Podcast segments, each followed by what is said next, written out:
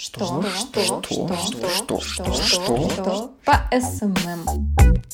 Сёння мы паразмаўляем з сваёй спецыялісткай дызайнеркай на фрылансе Юлі Цымброўскай, так бы мовіць вольнай пташкай. Пра то, як шукаць кліентаў у іншай краіне, рэлакацыю і плюсы фрылансы. Юля, прывітанне.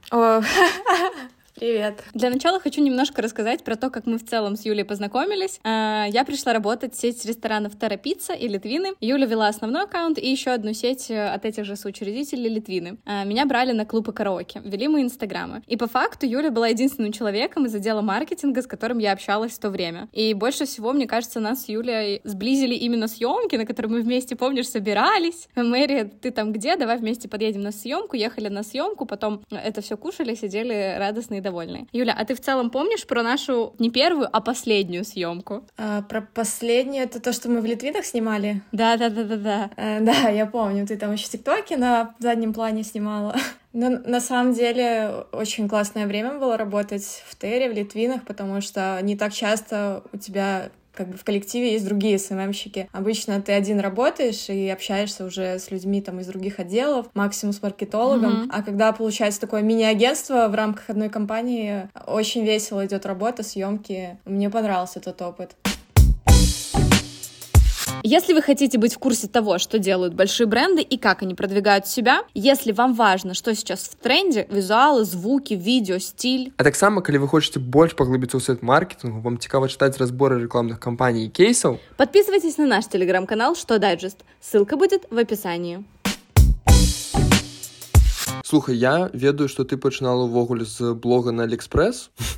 можаш крыху падрабязней распавесці пра гэты досвід як ты там увогуле пачала гэта рабіць тому что гэта такая незвычайная мне падаецца справа ты першы человек увогуле якога я ведаю кто вёл блог на алиэкспресс да э, началось мое сотрудничество с алиэкспрессом совершенно случайно я еще тогда училась в школе и ну на алиэкспрессе как и многие я там начала заказывать какие-то украшения там по доллару угу. за 10 долларов можно было заказать там украшений на год вперед На самом Алиэкспрессе была реклама сайта iTao. Это они создали специальный сайт, где хотели, чтобы покупатели делились своими отзывами. Ага. То есть э, создали такой отдельный веб-сайт для отзывов, угу. где каждый человек, по сути, мог просто выложить фотографии, вести свой блог, где он будет там про каждый товар рассказывать. Они это, конечно, делали с целью увеличения продаж, там, чтобы рекламировать ну, так, отдельные конечно. позиции на Алиэкспрессе. И в какой-то момент мне, в принципе, понравилось там выставлять посты, плюс они устраивали всякие конкурсы, где, например, ты там выкладываешь пост, э, там, пять лучших сумок с Алиэкспресс и можешь выиграть себе бесплатно что-то ну, шестую сумку. Я начала участвовать в таких конкурсах. Конкуренция была небольшая, поэтому я, у меня получалось выигрывать в некоторых конкурсах. Э, так я втянулась, и в какой-то момент мне просто на почту пришло письмо, «А не хотите ли вы уже официально сотрудничать с Алиэкспрессом и стать блогером вот на iTao Ого. официальным. Э, за это mm-hmm. нам платили зарплату неплохую такую, но это зарплата... А, то есть у вас была постоянная зарплата, да? Да, но у нас была не зарплата такая, что тебе на карточку пришли деньги, а это было именно... Нам давали купоны на покупки А-а-а. на Алиэкспрессе. Но это были достаточно неплохие купоны, то есть там было... Ну, я где-то 200-300 долларов получала в месяц. Прикольно. И я могла их потратить на что угодно на Алиэкспрессе. Угу. Ну и, соответственно, вот. новые купоны, получается, ты покупаешь новые товары, делаешь новые отзывы, больше купонов. Да, да, и многие там девочки зарабатывали тысячу долларов, там, чем больше ты выставляешь, чем больше твой контент популярный, тем, в принципе, ты больше денег получаешь. В какой-то момент, э, когда уже сайт раскрутился, сами продавцы с Алиэкспресса начали приходить к блогерам, писать напрямую, и уже, ну, в обход администрации мы напрямую сотрудничали с разными магазинами, они там присылали одежду бесплатно. То есть уже не купонами платили, а именно угу. ты по бартеру делаешь рекламу. Вот так. Слухай, цікаво насамрэч. А вось калі мы кажам там вот про манетызацыю гэтага ўсяго то бок ты атрымлівала грошы толькі там ну вот у этих копеечках алиэкспрэсаўскіх то бок я там не было там ну не веду там контракта ці заробка ну там физическими грошами так да не было такого классического заработка который mm-hmm. я могу пойти там в своем городе потратить но меня в принципе тогда это не интересовало потому что я еще в университете училась и я ну, просто экономила на той же одежде на аксессуарах потому что у меня это в большом количестве доставалось от алиэкспресса ну что-то можно было там пристроить устроить по знакомым подружкам на куфоре какой-то заработок немножко получить. Цікава. Слухай, а скажы, а што самае дарагое табе прыслалі ўвогуле?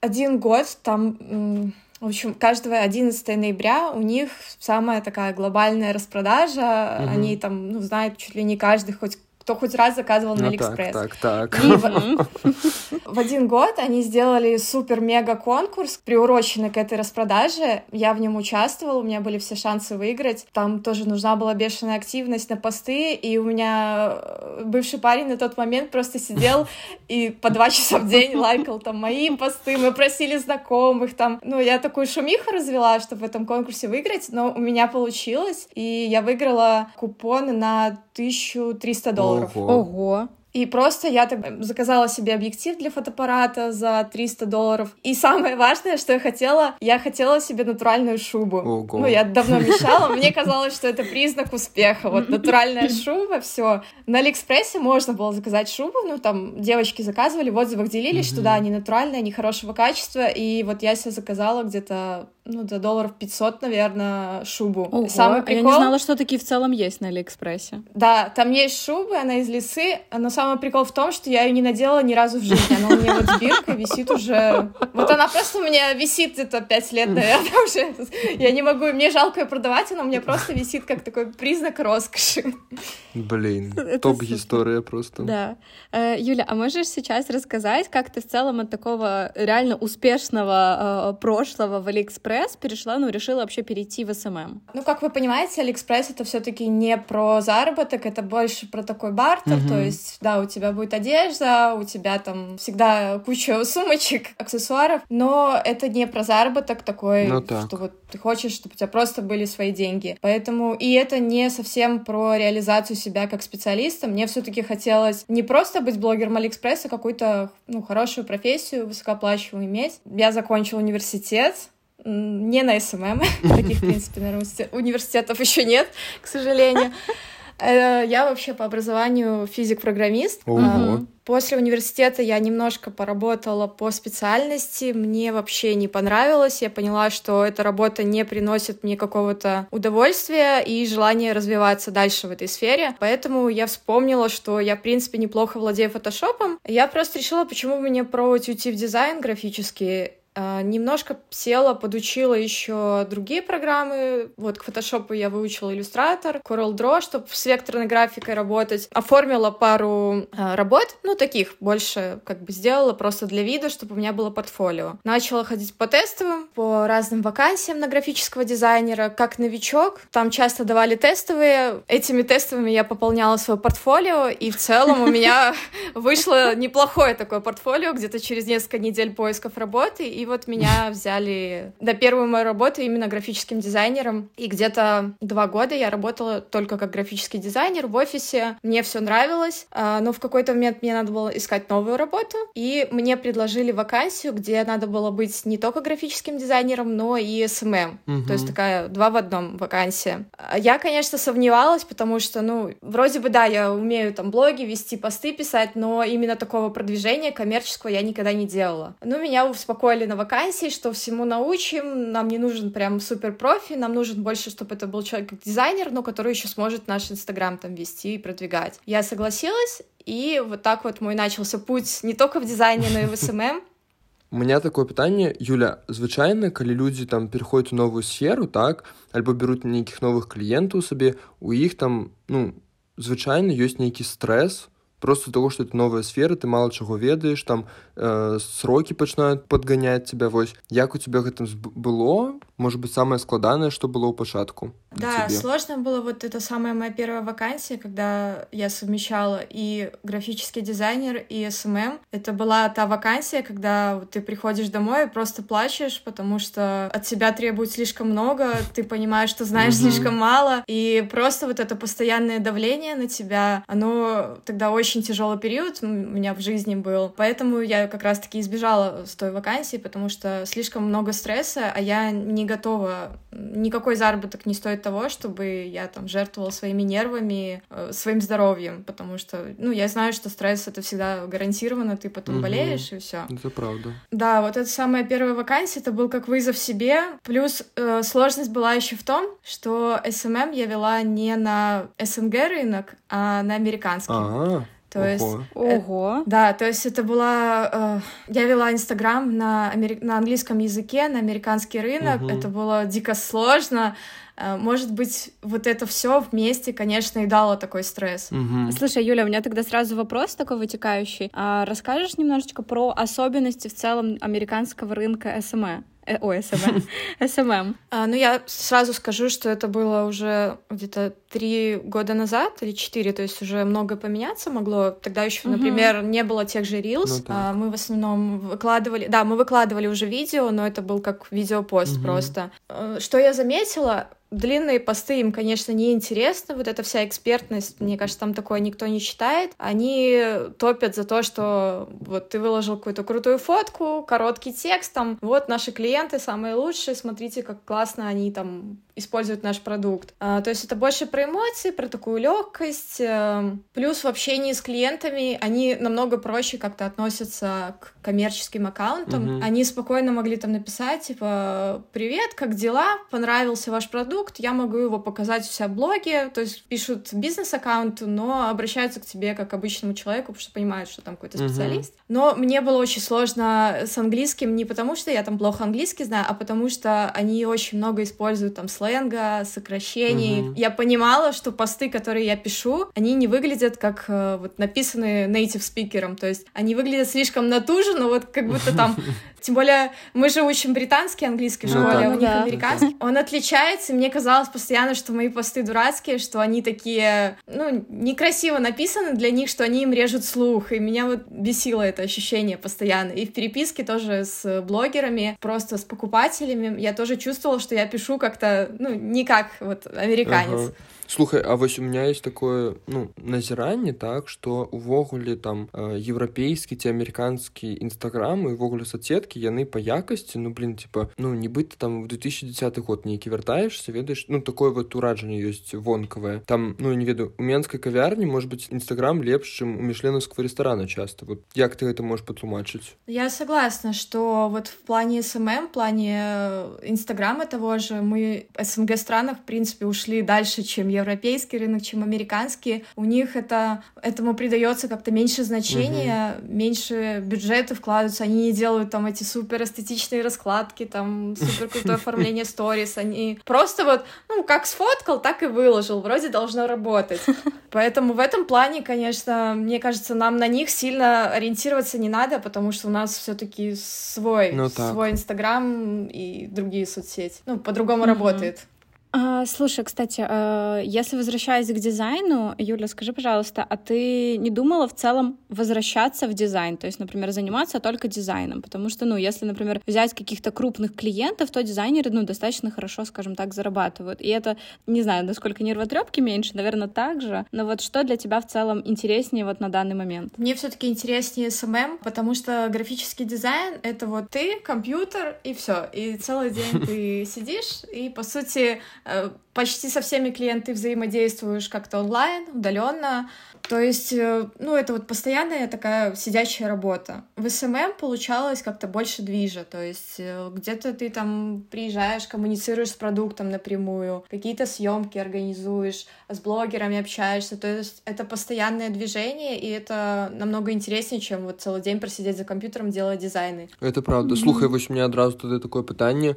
Якія парады ты бы дала пачынаючым фрилансерам, тому што сапраўды, асабліва калі працуеш там, ну, вот як ты кажаш на амерыканскі рынок ці просто там на кліенты які знаходзяцца не ў тваім горадзе гэта часта ну просто праца дома перед кампутарам альбо калі ты працуеш дызайнерам на фрилансе таксама ты просто цэлы дзень сидзіш вот які бы ты парады дала пачынаючым фрилансерам Если говорить про графический дизайн, то можно просто свою жизнь как бы сделать интереснее, то есть ты должен добавлять в свои даже будни какие-то интересные события, а, например, найти комьюнити других дизайнеров mm-hmm. и там ходить на встречи, а, либо найти какой-то коворкинг в городе и периодически ну, работать с другими дизайнерами в коллективе, то есть ты не устраиваешься там в рекламное агентство или в какую-то компанию, но у тебя все равно ощущение коллег, комьюнити, с которыми ты общаешься, и вот это уберет вот это ощущение, что ты такой затворник дома, который постоянно за компом сидит. Плюс я сама достаточно много времени провожу дома, потому что, ну, большая ну часть ну, моей работы удаленная. Но я стараюсь брать компьютер и просто идти в какие-то новые места в городе. Плюс я нашла, я еще очень долго искала какие-то встречи, сходки СММщиков в Минске. Сложно было такое найти, но я нашла, и вот в июне пойду первый раз. Ой, класс. Будем чекать истории. Да. Ой, кстати, про истории. Юля, а если я правильно помню по твоим историям в Инстаграм, а, когда ты переехала в Грузию, первое время как раз-таки ты занималась в основном дизайном. То есть тебе прилетали, я помню, гороскоп ты делала. Вот, я помню, тебя просила, чтобы ты мой скинула. Это то есть, ну, я все правильно помню, правда? Когда я переехала в Грузию, я, в принципе, ну, часть клиентов потеряла, которыми мне нужно было офлайн работать в Минске, поэтому мне пришлось заново находить новых клиентов, и первое время, конечно, я искала больше удаленные какие-то подработки, заказы, и да, первое время мне часто, ну, чаще прилетали заказы по графическому дизайну, потому что, угу. ну, на SMM пройти, найти проект сложнее все-таки, ну, чем просто там найти какой-то заказ по дизайну. Зараз у нас будзе рубрика было ці не было Юля табе трэба адказаць максімальную колькасць пытанняў за 30 секунд адказвай толькі так ці не можем пачынаць Использовала чужие идеи для контента? Да. Забывала про клиента? Да. Говорила стоимость в три раза больше, чтобы отказались? Нет. Говорила, что загружена, чтобы не брать клиента? Да. Работала с клиентом за еду? Нет. Плакала из-за работы? Да. Есть клиент, за которого стыдно? Да. Соглашалась на работу, которую не знала, как сделать? Да. Делала фейковый аккаунт с кейсами? Нет. Показывала клиенту не свои работы? Нет. Работала с клиентом только ради денег? Нет. Вела аккаунт, который ненавидела? Да. Вау! Мы прям адказалі на ўсе пытанні. Юля, ты першая, напэўна, хто адказаў прям на ўсе пытанні. Я тебе з гэтым віншую. Спасибо. Ура! Мы працягнем слухаць наш падкаст. Слухай, калі ўжо пачалі размаўляць пра Грузію, хочацца перайсці да гэтага так сказать блока так? Размаўляць пра релакейт і пошук працы ў новай краіне. Асабліва за апошнія гады гэта стала вельмі актуальна тому што шмат людзей пераязджае там з нішы так? Ну не хочуць там ісці працаваць афіцыянтам я не ведаю там альбо у краму нейкую. Хочуць працягваць працаваць у сваёй нішы у рэкламе так? Як вось ты шукала кліентаў з якімі складанасцямі ты сутыкнулась расскажу. Когда мы переехали в Грузию, у меня оставалась часть проектов, э, с которыми я сотрудничала до переезда. Они были готовы со мной работать дальше, потому что, ну, там и так работа строилась удаленно, поэтому какой-то заработок у меня все-таки остался, но он сильно упал. Угу. Мне пришлось прям очень активно искать новые вакансии. У меня постоянно было ощущение горящей жопы, потому что ну, тебе надо платить за дом, тебе надо платить за еду, ты в новой стране, там тебе не помогут родители, не помогут друзья, то есть ты сам за себя отвечаешь, это колоссальный такой стресс для любого человека. Ну, так, Буду говорить про Грузию, но я думаю, это работает и так, в других так, странах, конечно. куда сейчас активно переезжают белорусы, россияне, украинцы. Есть группы в Телеграм, э, где собираются экспаты, решают разные свои проблемы. Э, групп этих огромное множество, но в Грузии были парочку основных, угу. вот таких, которые там хорошо модерировались администраторами, то есть там минимум спама было, в основном все по делу. И вот в таких группах как раз-таки люди находили друг друга. Очень много переехавших экспатов открывали свои бизнесы, и им всем нужны СММщики, ну, поэтому мы так друг друга и находили. Допустим, я пишу, что вот я SMM-специалист, там то умею то, то беру такую оплату, буду рада поработать с вами. Ну и мне пишут другие экспаты, кто там открыл свой ресторан, например, им нужен СММщик. Угу. А, либо бывало, что прям висели вакансии, там, ищу СММщика, пишите. Ну, и мы так, получается, друг другу писали и находили так новые проекты. То есть в, э, в новой стране я бы советовала первое время держаться именно экспатов и просто вот взаимодействовать между собой. Ну, это самый простой такой вариант найти работу как раз-таки в SMM и в дизайне. Ну, так. А, что еще можно посоветовать? Можно объединяться с другими фрилансерами, которые работают не по твоей э, нише. То есть, допустим, если ты делаешь SMM, то ты можешь найти другого фрилансера, который делает там сайты, например. Uh-huh. Вы общаетесь, и очень часто, если он нашел себе клиента на сайт, то, скорее всего, этому же клиенту нужен и человек для ведения профилей в социальных сетях. И можно uh-huh. просто вот так друг другу помогать. Ну, такой как бы... Вы в такой мини-рекламное агентство ну объединяетесь ну, и... Кумовство, И передаете клиента своим ребятам.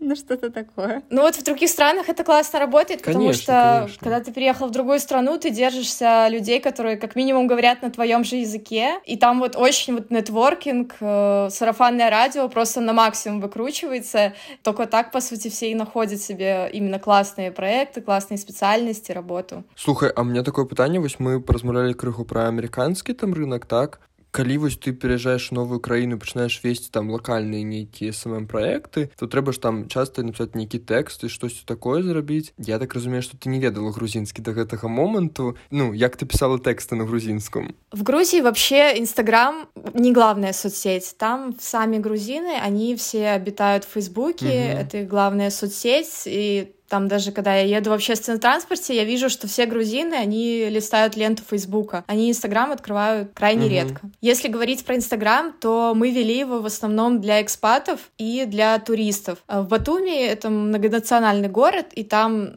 мне кажется, процентов 50 — это не местное население, это в основном славяне, конечно, но там часть из Европы людей, там часть из Америки, из других стран. Угу. И в основном мы все аккаунты вели на русском и на английском. А-а. Чаще всего даже просто на русском, и, в принципе, это имело успех, потому что, э, вот, например, у меня был проект э, «Бар», э, я его вела вот летом и начало осени, угу. и в основном туда приходили люди из СНГ, потому что сами грузины по барам Батуми Батуми особо не ходят. У них там свои заведения грузинские, они там и сидят. Там особо не было смысла на грузинский переводить, потому что Приходили-то все русскоговорящие. Конечно, они сами дома вино делают, ну, зачем куда-то ходить. Да, вот, кстати, грузины, если говорить про Батуми, они там любят у себя где-то во дворе посидеть, позвать соседей, налить вина. Вот это у них такое развлечение. Молодежь, в принципе, тоже у них как-то особо... Я не заметила, чтобы они ходили по барам. Они больше ну, какие-то междусобойчики делают там у себя дома и все. Чым увогуле адрозніваецца вот там беларускі SMM так от грузинского. Ну, ты сказала про Facebook уже, может быть, что еще можешь адзначыць? Из-за того, что очень много приезжих было, мы привезли свой SMM. То есть мы не, спра... мы не смотрели, какие у них там правила, как у них там продвигаются соцсети. Мы именно вот со своей со своими правилами пришли и сказали, все, теперь SMM будет такой. Вау. И все специалисты, Вау. мы просто продолжали вести вот Инстаграм так же, как в Беларуси, как в России вели, и, в принципе, это работало, потому что мы же делали это для таких же людей, которые, ну, привыкли к такому Инстаграму. Мне, кстати, кажется, что так всегда. Вот, вот в любой стране, куда приезжают белорусы, вот это, это все. Значит, у нас теперь будет мини-мини-Минск. Ну, ну да, так и получилось, что мы просто свои правила пришли, как бы это некрасиво не было, но это работало. Если надо было все-таки грузин захватить, вот к косметологу мы когда настраивали рекламу, я просто делала отдельные макеты для грузинок на грузинском языке. Я просто через переводчик закидывала ну, на грузинский, на макет тоже. И, в принципе, ну, приходили с этих макетов клиенты, так что я думаю, что переводчик неплохо справлялся с ролью вот, перевести на грузинский.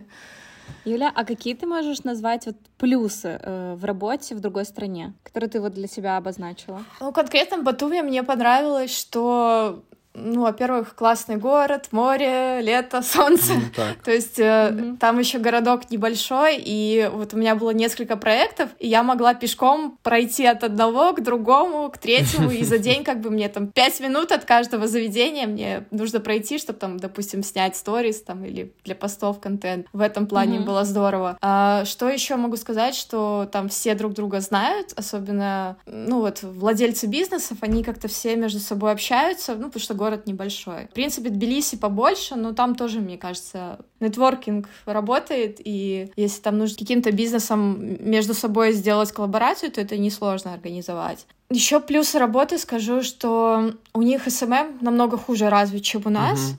Они, в принципе, грузины в это раньше не вкладывались, ну, материально никак. То есть у них там мог соцсети вести просто администратор заведения, и, скорее всего, это был Facebook, Инстаграм вряд ли у них был. И вот когда приехали все славяне и начали свои правила на их рынок э, диктовать. Mm-hmm. Вот им тогда пришлось тоже подрубать соцсети, находить СММщиков, то есть мы их рынок как бы сильно развили, и конкуренция все-таки была меньше, потому что, по сути, искали СММщиков среди тех, кто приехал. Mm-hmm. Ну и концентрация их, наверное, меньше, чем, ну, если взять Минск. Ну да, ну и плюс ко всему, ты же в, в марте 22-го переехал, мне кажется, сейчас уже там побольше будет СММщиков в Грузии. Возможно, но многие же и уезжают тоже. Для многих Грузия ну, да. это такой как перевалочный пункт, юг, многие потом едут там в Польшу, в Европу, еще куда-то, или возвращаются, как я, обратно, потому что, ну, очень многим... Ну, я же разговаривала с другими экспатами, и многим, допустим, не понравилась жизнь в Грузии там, поэтому они возвращаются.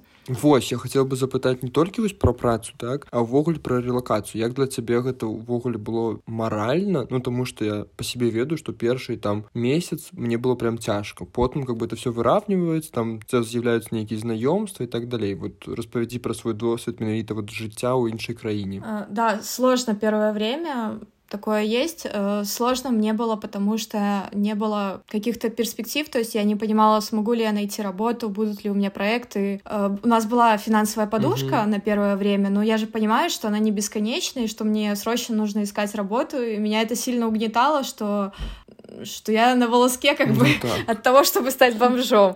Когда ты уже находишь новые проекты, ты уже поспокойнее становишься, потому что ты понимаешь, да, работа есть, заказы будут, деньги есть, в принципе, можно жить. И там уже начинаются другие проблемы. Ты уже где-то сравниваешь там свой комфорт жизни в своей стране и в чужой. Плюс э, я поняла, ну, я не думала, что с этим соприкоснусь, но меня очень давило, что вокруг меня незнакомые люди в плане языка. Мне все-таки комфортно находиться в среде, где ну, я с любым человеком mm-hmm. могу спокойно mm-hmm. на русском заговорить, пообщаться, а в чужой стране ты постоянно себя чувствуешь иностранцем, и это чувство немножко так, ну, жизнь тебе делает тяжелее. Это правда, это правда, есть такой момент.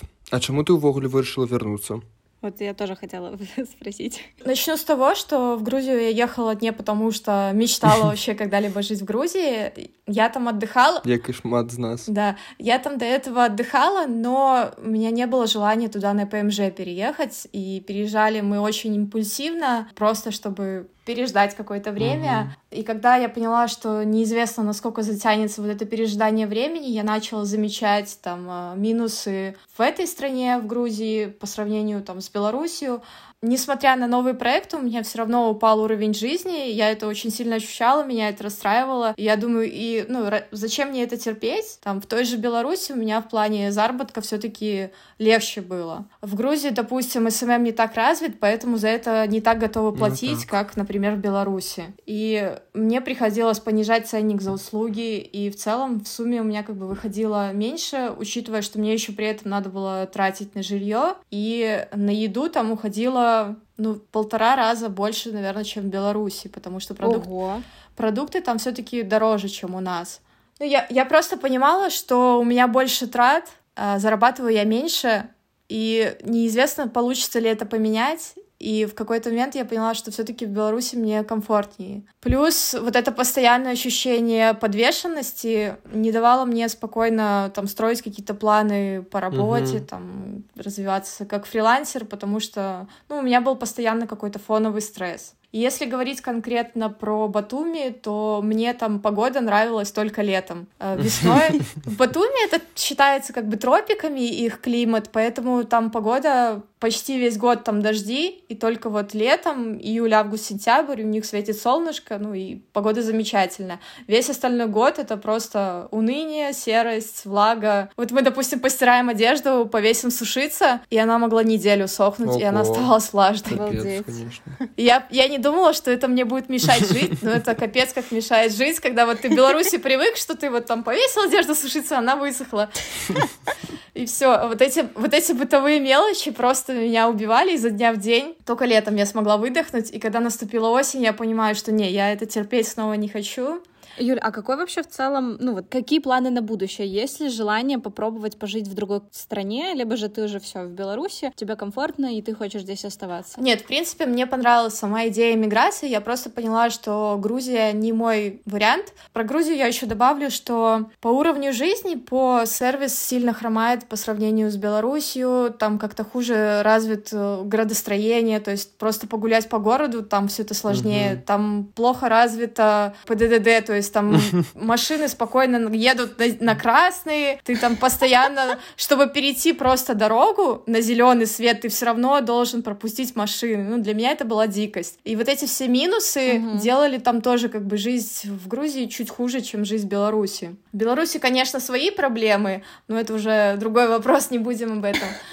Поэтому я поняла, что, в принципе, иммиграция мне как бы нравится, но я бы попробовала другие еще страны, более развитые, может, ну, Европу тоже взять. Слухай, вось ты сказала про ПДД. Насамрэч, я вот памятаю, что когда я приехал в Варшаву, для меня насамрэч был шок, что кіроўцы не пропускают э, пешеходов на пешеходном переходе. Ну, казалось бы, там Варшава, да, то есть какая-то Европа, так, но все равно вот есть такие дробези, которые тебя просто выбивают. То есть ты там идешь по пешеходному переходу, и они все равно летят прям перед тобой проезжают. Ну и, конечно, такой как бы культурный шок, можно так сказать. Ну, в таких дробязях он складывается. Да, я, кстати, заметила новый тренд в ТикТоке, что вот как раз когда пошла эта волна, что белорусы прям массово начали по разным странам мигрировать, что появились ТикТоки, где вот пустая дорога, ни одной машины, горит красный свет, и пешеход стоит, ждет. Да. Ну, то есть это как бы такой, такой мем, что белорус будет стоять и ждать, когда загорится зеленый, даже если дорога абсолютно пустая. В любой другой стране уже тысячу раз бы люди перешли эту дорогу. У нас вот так. Так это да, это я когда приезжала, э, я помню, мы стояли вот с Макаром стояли, он такой, что ты стоишь, пойдем. Я такая, так красно, Так, куда? так, вот я, я хотел распавесці эту историю, что вот я уже в Варшаве, э, ну, год и, ну, год с так, и у меня уже вось сломался этот барьер, то бок реально, когда там невеликая вуліца, я думаю, ай, ну что тут стоять, уже тут три крока зрабіл уже на тым баку. Ну, а вось, э, там, не ведаю, дорога, и они просто пиляць, им вообще все равно. А, я когда была в Грузии, мне все-таки пришлось немножко вот от этой белорусской э, ПДД отойти, потому что если бы я там стояла и ждала, я бы просто никогда в жизни дорогу не перешла. Там все-таки вот в плане ПДД мне пришлось по их правилам действовать, потому что иначе там просто ты никогда в жизни дорогу не перейдешь. Ну так, есть такое. А мне кажется, знаете, что вот то, что Макар сказал, культурный шок — это в целом описание э, любой релокации. Так, так, конечно. Да, и самое интересное, что вот ты, когда живешь в Беларуси, ты многие вещи для себя не замечаешь, потому что для тебя это кажется, ну, само собой приемлемым, и ты думаешь, что, в принципе, так во всех странах. А потом ты переезжаешь э, в новую страну, и ты замечаешь, что у белорусов много классных фишек, которые, ну, в других, в других странах население не делает. Вот даже э, еще один тренд в ТикТоке, как, например, показывает, что идет девочка, держит мусор в руке, идет там километр, два, три километра, находит мусорку, и только тогда выбрасывает там фантик. А в Грузии той же, блин, он просто, если не увидит мусорку, он просто кинет там просто куда-нибудь в траву и все. Так, блин, вот просто у меня прям э, распечатываются воспоминания, я бы так сказал. Потому что вось у Варшаве сапраўды, ну как бы я зараз подзялюсь болью. Нема у поляка короче поляки не умеют делать суши. Ну объективно. Яны робяць их супер как-то по-дурацки. Яны кладут мало всего шмат риса робяць их супер тонкими. Их немагчыма палочками взять не ведаю увогуле як палочками брать. Вось. И для меня нашлось спасение того что у варшаве ёсць беларуская сушарня я памятаю што нават сторис бачыў кагосьці што якомусь народу павезло з архітэктурай якомусь там з літаратурай а беларусам павезло рабіць правильно суши я кстати тоже могу про суши рассказать а, я тоже очень люблю суши в беларуси постоянно их заказываю и когда мы приехали в грузию да первые там пару месяцев мы ели исключительно грузинскую еду ну потому что для нас новая кухня конечно будем ее есть и она получалась там дешевле всего в принципе но в какой-то момент уже захотелось хотелось там и пиццы поесть, и суши заказать. Суши пару раз брали, ни разу не понравилось. Поэтому, когда я в Беларусь приехала, мы первым делом заказали просто сет, по-моему, на, на, на 2 килограмма роллов. Так, а давайте сейчас, вот мы уже, уже углубились, я смотрю, и Макар тема так, зашла, так, наконец-то нашел гостя, у которого мы берем интервью, который его понимает. Давайте сейчас э, плавненько перейдем к новому блоку. А, Юля, сейчас мы хотим поговорить про тему личного бренда. Ты очень активно ведешь социальные сети, и как тебе это в целом помогает в работе? Ну, сразу скажу, я не считаю, что я веду прям супер активно. Я понимаю, что могла бы вести, ну, намного лучше, больше вкладывать. Но ты активно ведешь, не надо. Ну, если так, то хорошо. Я слежу, я слежу, я знаю. В моем представлении активно вести, это ты там как минимум три раза в неделю выпускаешь какой-то рилс экспертный, там, тиктоки регулярные. Пока я только в сторис стараюсь выходить регулярно, но я скажу, что даже это имеет свои плоды. А, в принципе, даже если ты не выстраиваешь свой э, блог как вот чисто экспертный, где ты не рассказываешь только про СММ, все равно ты будешь находить клиентов, просто даже если ты рассказываешь, что да, вот я Юля, я СММщик. Угу. Э, я поняла это по своему блогу, я его не делала таким прям супер экспертным, он был просто у меня как личный блог, но меня смотрело достаточно много знакомых, знакомых знакомых, ну и просто какие-то люди там приходили ко мне от других или с рилсов, и угу. периодически я в своем блоге просто рассказываю, что, ну, показываю, допустим, за кулисье своих проектов, показываю какие-то съемки, а, делюсь результатами, допустим, говорю, вот там запустили рекламную кампанию, клиенту классно отработало, и вот с таких угу. историй ко мне просто приходят другие знакомые и обращаются за моими услугами, либо советуют меня другим. Очень часто людям просто нужно даже понимать, что вот у меня есть такой человек в Инстаграме, я его знаю там хорошо по историям, по его контенту, и он СММщик. И когда этот человек ищет себе специалиста для соцсетей, он вспоминает, что да, вот Юля, она кажется СММ, и все, они просто приходят к тебе. Слухай, насамрэч цікава таму што вот, ну у тебя там есть і блог в інстаграме ты вяла цікток але часта там вот смм спецыялісты крэатары увогуле ты ведаеш як сапожнік без сапог то есць яны ведаюць як там зрабіць стратегію як развіць там лічнасны брэнд но у іх у саміх у профілях нічога няма там. І фатографаў я ведаю такіх каторых там ну яны не могуць весці свой інстаграм таму што ім все не падабаецца там ім все трэба зрабіць по-іншаму яны ніяк не могуць там выкласць першы пост. Як у цябе ўвогуле з гэтым? Не страчваецца жаданне гэта рабіць як ты ўвогуле хапае там вот і энергии нейкай і натхнения Ну, я скажу, что я тоже сталкивалась с тем, что мне сложно, вот как бы я хотела на сто процентов вести свой Инстаграм. То есть у меня есть в голове какое-то представление, даже прописанная майнд-карта, как бы я хотела развивать свой блог, но зачастую после того, когда ты поработал с э, соцсетями клиента, угу. у тебя уже просто не остается силы вдохновения, у тебя уже тошнит открывать этот Инстаграм и что-то выкладывать в свой блог. Поэтому я очень сильно понимаю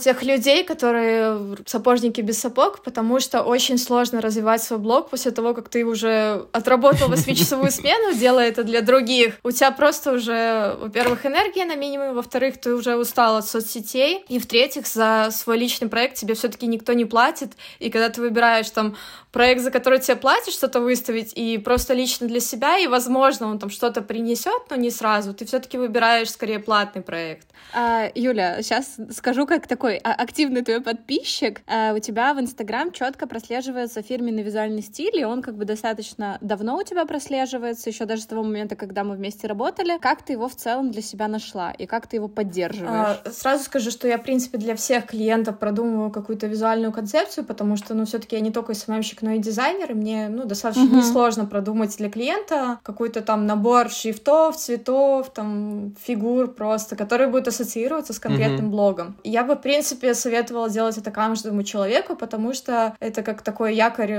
вот оформление твоего контента — это такой якорь, который с тобой ассоциируется. И когда человек там видит твои цвета, там твои шрифты, он легко тебя узнает среди других аккаунтов угу. и, в принципе, быстрее к тебе привязывается. Поэтому, когда я выбирала оформление для своего блога, я просто смотрела, допустим, какое мне оформление, ну, смотрела идеи на Pinterest, смотрела, что мне нравится, что мне откликается, что я сама с собой угу. ассоциирую. И вот эти вот цвета, образы, э, стиль даже на фотографиях, это все я выделила в отдельную папочку на Pinterest и как бы захожу периодически туда вдохновляться и придерживаюсь этого стиля. Слухай, а ў мяне яшчэ такое дадатковае маленькае пытанне, а ты нейкім чынам прасоўвала свой персанальны брэнд? Ну, свой інстаграм там, не ведаю, таргет запускала, ці не рабіла нейкія калабарацыі з кімсьці там яшчэ?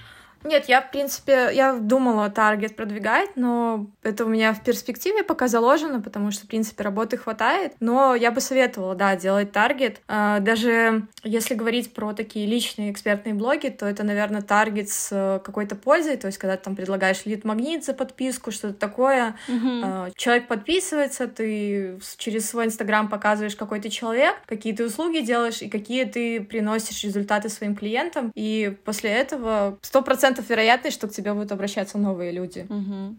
У меня засталось насамрэч одно апошняе пытанне гэта нават не пытанне такое вось дай тры парады тым людзям хто хоча создаць э, свой персональны бренд у сацыяльных сетках так і каб ён не просто быў вот як там у меня там крутой нстаграм каб прыводзіў табе і кліентаў і новых там я не ведаю новыя замаўленні там і дапамагаў тебе расці ў сферы Э, сразу скажу, что вот ко мне иногда приходят на консультацию по СММ, и часто вопрос, нужно ли мне заводить там отдельный аккаунт, если я хочу, чтобы он приводил клиентов. Сразу скажу, что если вы, в принципе, в Инстаграме показываете свою личную жизнь в том ключе, в котором вы готовы показать ее незнакомым людям, клиентам, то я mm-hmm. не вижу смысла заводить отдельный аккаунт. Можно спокойно вшивать свои услуги, свой экспертный контент в свой личный блог. То есть, если вы раньше просто показывали, вот я отдыхаю, вот я там на море, то можно просто добавлять контент «вот угу. я работаю». Классно работает на привлечение новых клиентов именно вот истории, посты, где вы рассказываете, как вы с кем-то поработали и что вы принесли этому человеку. То есть вы делитесь результатами, ну, кейсами, проще ну говоря. Вот так. Такой контент как раз-таки приводит больше всего клиентов. Обычно ко мне обращались э, знакомые, там, просили мои услуги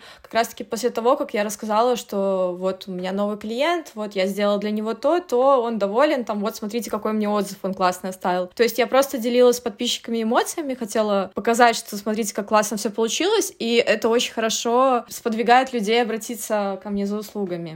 Ну, у нас по вопросам все. Я хочу сказать, Юля, большое спасибо, что пришла к нам на проект. Было очень интересно, на самом деле, и классно послушать про релокацию, про фриланс и про в целом твою историю. Спасибо большое. Дякую тебе, великий, тому что такую і паразмаўлялі крыху по душам і далі какую-то карысную інфармацыю дзякую вялікі што пришла спасибо вас что пригласили меня на подкаст была очень рада поразговаривать с вами обсудить релокацию СММ что что что что что что что по СММ